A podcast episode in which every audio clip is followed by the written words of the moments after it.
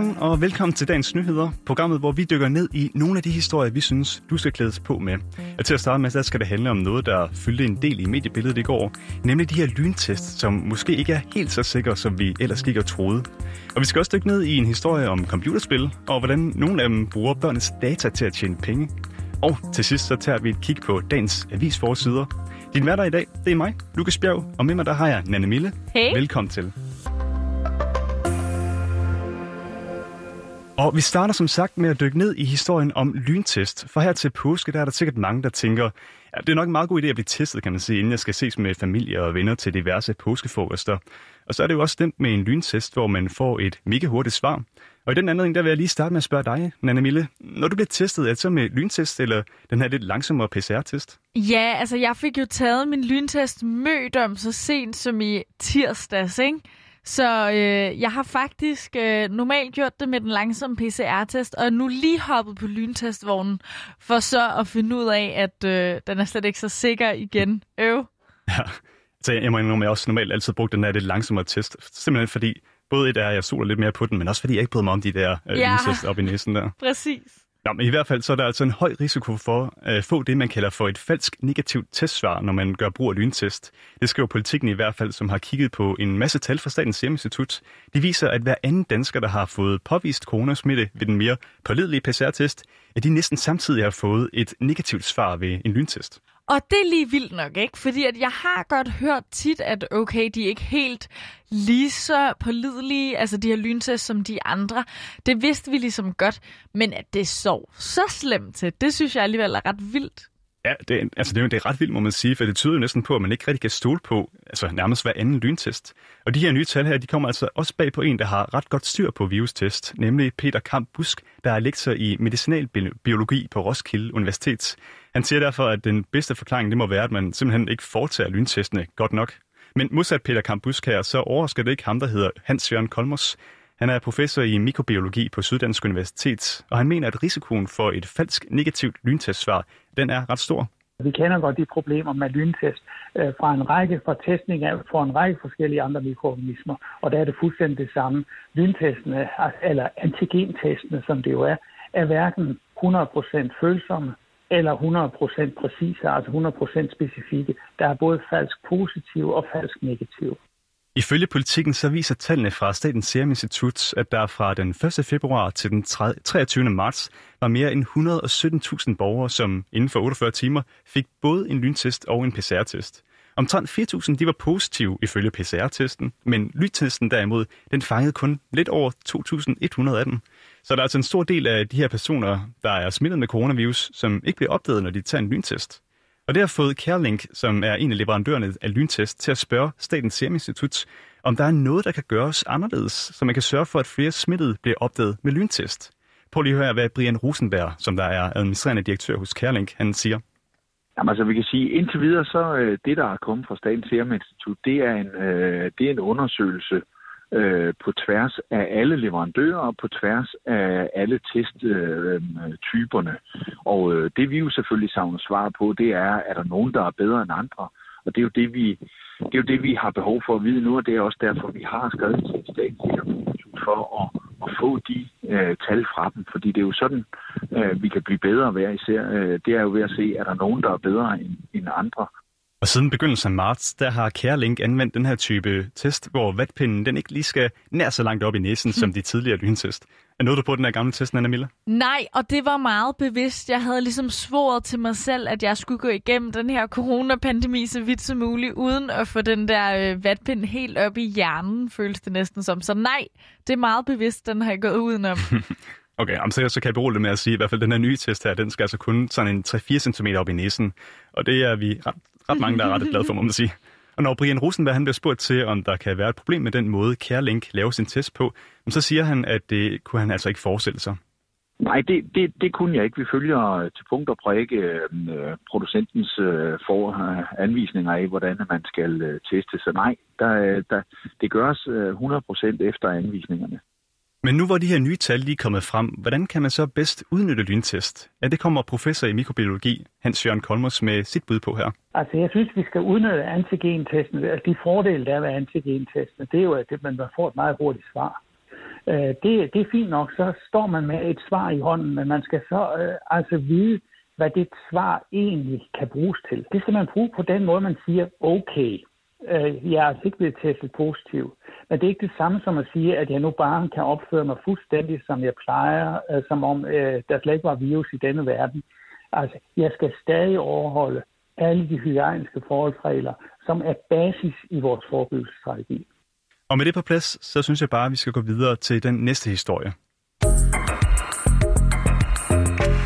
Ja, og den næste historie her, den skal altså handle om en ny rapport, der har zoomet ind på, hvordan online-spil bruger børns data.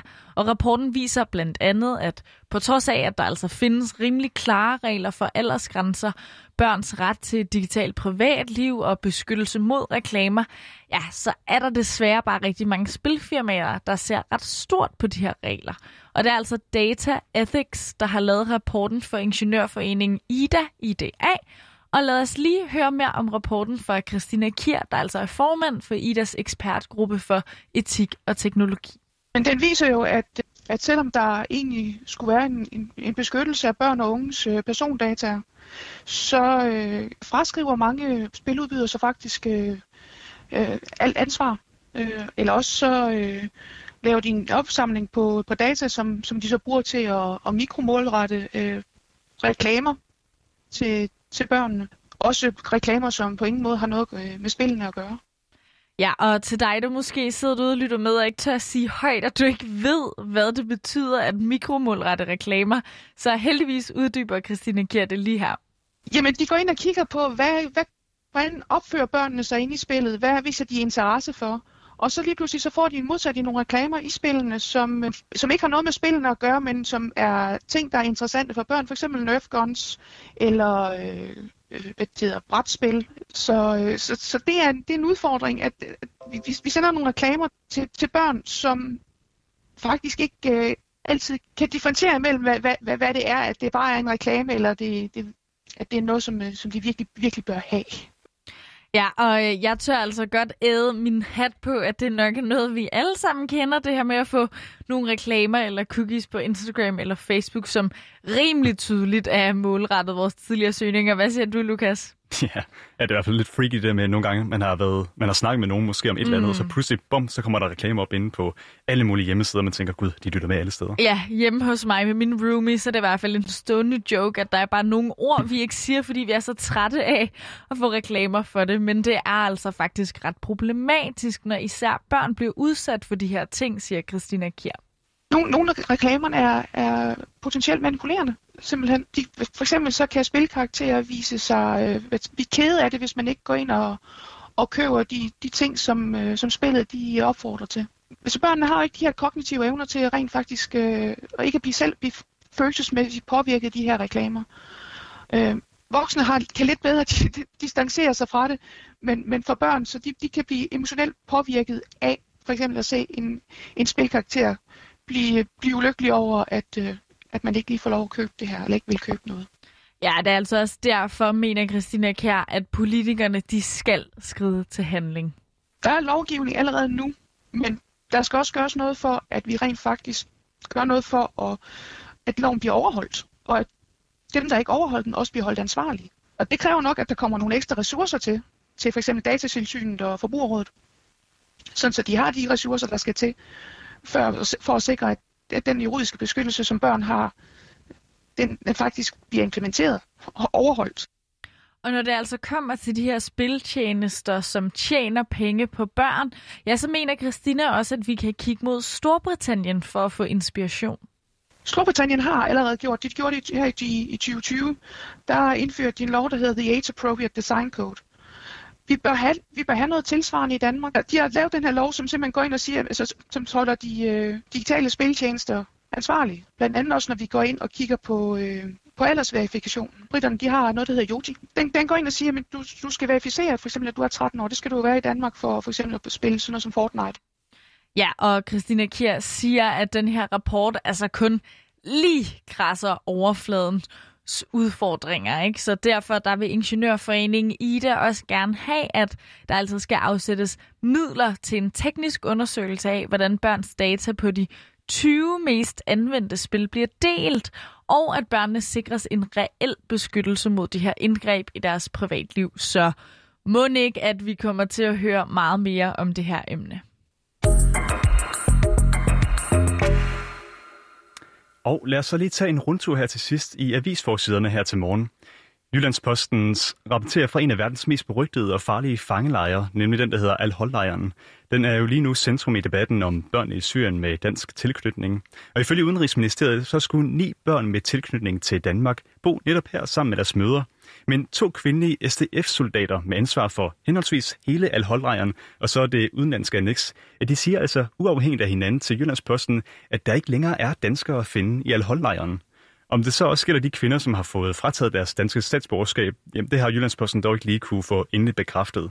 Hvad, hvad med politikken? Hvad har den på forsiden i dag, Nana Mille? Jamen, øh, politikken sætter altså fokus på øh, en sag om et enkelt barn, og det handler om Katrine, der går i 0. klasse, og hendes mor Line bad for to år siden Horsens Kommune om støtte til sin datter, og kort efter det her, ja, så forsøger en socialrådgiver, der altså aldrig har mødt Katrine, at fjerne hende fra sit hjem, uden at Katrines mor bliver orienteret.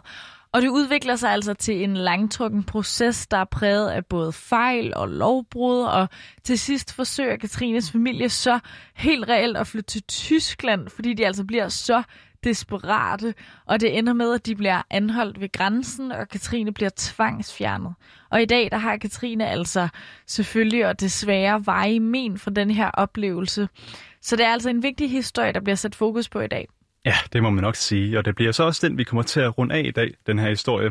For nu der er vi nået til vejs ende i dagens nyheder. Dagens udsendelse den er tilrettelagt af Anna Søjberg, og din værter, det var mig, Lukas Bjerg og Nana Mille. Woo! tak fordi du lyttede med.